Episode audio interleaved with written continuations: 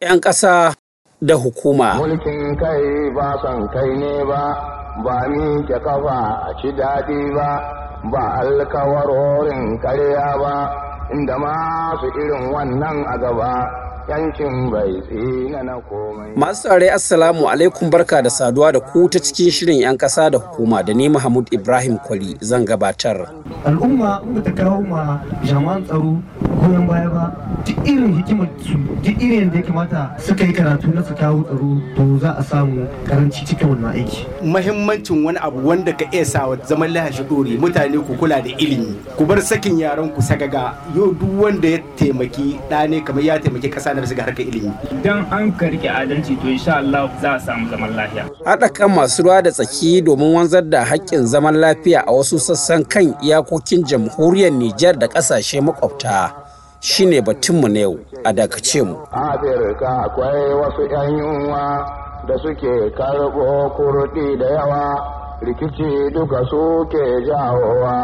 Kuma tashi hana su da gaggawa. Madalla, masu ware sha'anin tsaro da zaman lafiya na ci gaba da zama ƙalubale a yankin Sahel, musamman ma wasu sassa na ƙasashen Mali da Chadi da Najeriya da kuma jamhuriyar Nijar, al'amarin da ke barazana ga haƙƙi da 'yancin walwalar mazauna yankin. Yanzu haka dai hukumomin mulkin soja a jamhuriyar ta Nijar na cewa sun dukufa wajen gangamin ƙara ilmantar da masu ruwa da tsaki kan mahimmancin mutunta 'yancin tsaro da zaman lafiya musamman a tsakanin garuruwa da al'ummomin da ke kan iyakar ƙasar ta jamhuriyar Nijar da ƙasashe makwabta.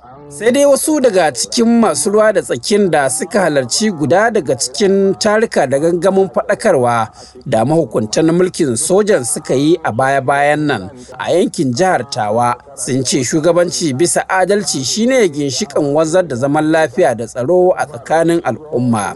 Abokin aiki haruna mamman bako na birnin kwanni ya haɗa mana rahoto akan wannan yunkuri na mahukuntan jamhuriyar ta Nijar da kuma tasirinsa ga 'yancin walwalar al'ummar ƙasar da ma ƙasashe makwabta. Taron ya wakana a ƙarƙashin shugabancin Kaftin Bubakar Ali Shina shugaban gundumar birnin Kwanni tare da halartar magatakardan ofishinsa da magajin nan gari na Alela birnin Kwanni tsarnawa da bazaga da sarakunan gargajiya da manyan ma'aikata na bariki na wannan gundumar da sauran jama'a ga jawabin da kaftan bubakar ali yi a wurin wannan taron. Kwanciyar hankali zaman lahiya shina cikin abu na farin. Shine ma na farin wanda ya sa a yau soji ina cewa da wannan conseil national pour la sauvegarde de la patrie wanda general abdurrahman chani yake shugabanci a nan mu ta niger. Shi ya kai mu ga wannan matsayi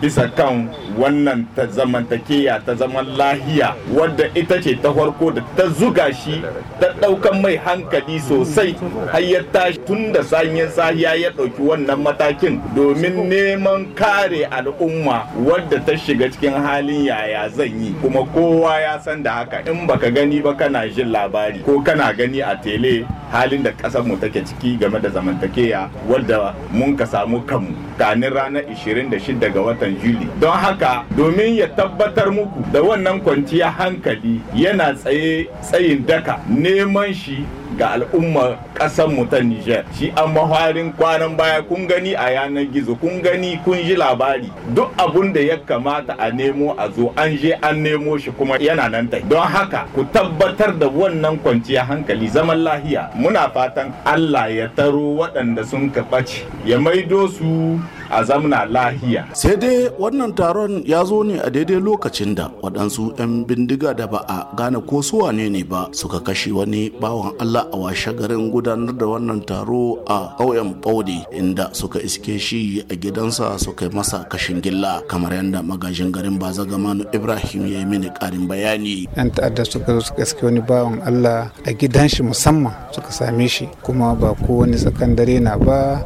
suka wannan aika-aika kuma suka tsere. Lalle jami'an tsaro da aka faɗa musu sun kai ɗauke amma daɗa abin da allah riga ya kawo ko kahin abin gashin nan sun dai aikata abin da suka aikata kuma allah bai sa aka same su ba. Shi wanda suka kashe yalla dan kasuwa ne ko mine ne matsayin shi a garin na baune inda sun kai wannan aika-aika? Eh dan kasuwa na mai kasuwancin shanu shi kai.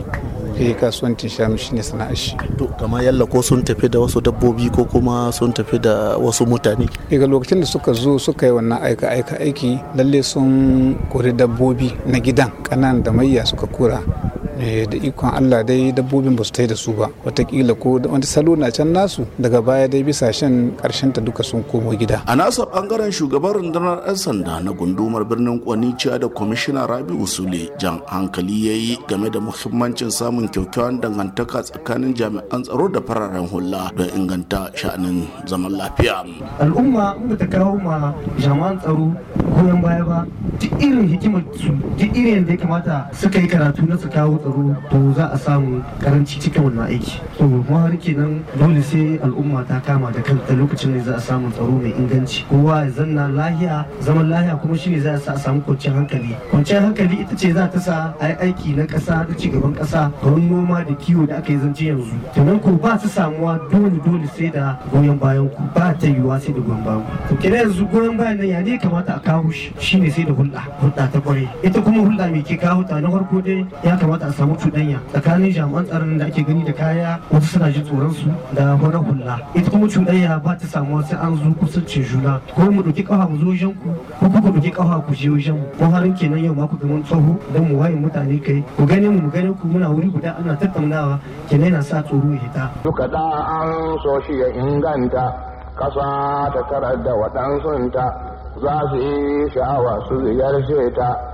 Da kafar su su zo su yi kallanta. Komai ba mai iya kushe a nasa ɓangaren wakilin mai martaba alhaji muhammad salihu sardauna sarkin birnin kwanni a wurin wannan taron cewa da ya hayyabiya muradi ya gayawa mahalarta taron da suka hada da hakimai malamai manoma da makiyaya ƙungiyoyin mata da na matasa na wannan karkara tare da 'yan kasuwa da cewa fa neman ilimi na ɗaya daga cikin ababen da ke wanzar da zaman lafiya. Abinda muka fata ga mutane. Zaman lahiya na kamu.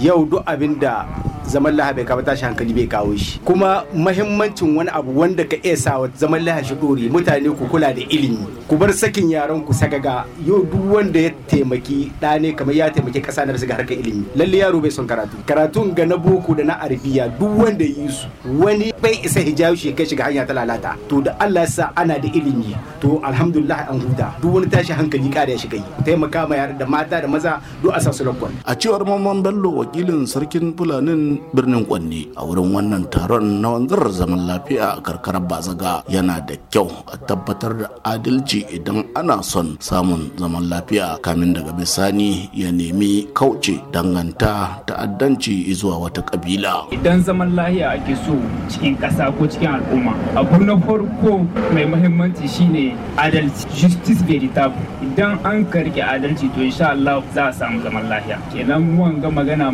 na ɓangaren hukumomi ne. Su hukumomi su yi abun da a adalci tsakanin al'ummomin su sannan kada mu yi kuskuren danganta mutanen banza waɗanda ke kawo tashi hankali cikin al'umma da wata kabila bandi ba su wakilcin kowace kabila mutanen banza ne wanda sun addabi kowa ba su iya kowa ba ba su raga ma kowa ba kowa suke harma don haka kada al'umma mutane su su dinga danganta manga banditism kin da kabila wannan taron dai na samun ƙoƙarin HACP Haute Autorité pour la Consolidation de la Paix da kuma Projet PASO. Wannan yunkuri na mahukuntan soja a jamhuriyar Nijar na wakana ne a daidai lokacin da ƙungiyar ECOWAS mai kula da sha'anin tattalin arzikin ƙasashen nahiyar afirka ta yamma da janye takunkumin tattalin arziki da ta kakaba wa jamhuriyar ta nijar tun a watan yulin bara biyo bayan kifar da shugaba mohamed bazum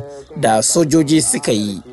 Yanzu dai abin jira a gani shine yadda wannan mataki na ecowas da kuma wancan yunkuri na mahukuntan soja zai yi tasiri ga sha'anin 'yanci da walwalar al'ummar jamhuriyar niger da ma ƙasashe makwabta ta fuskar tsaro.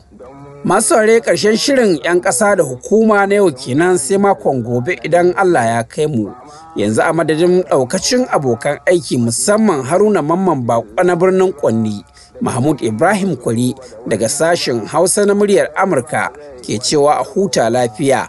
Wassalamu alaikum. A ƙasa duka mai mulkin kanta an so a tara da mutanenta kosassu ba abu tsiraraita da rashin aiki daga labaita koyawan banza ko sata.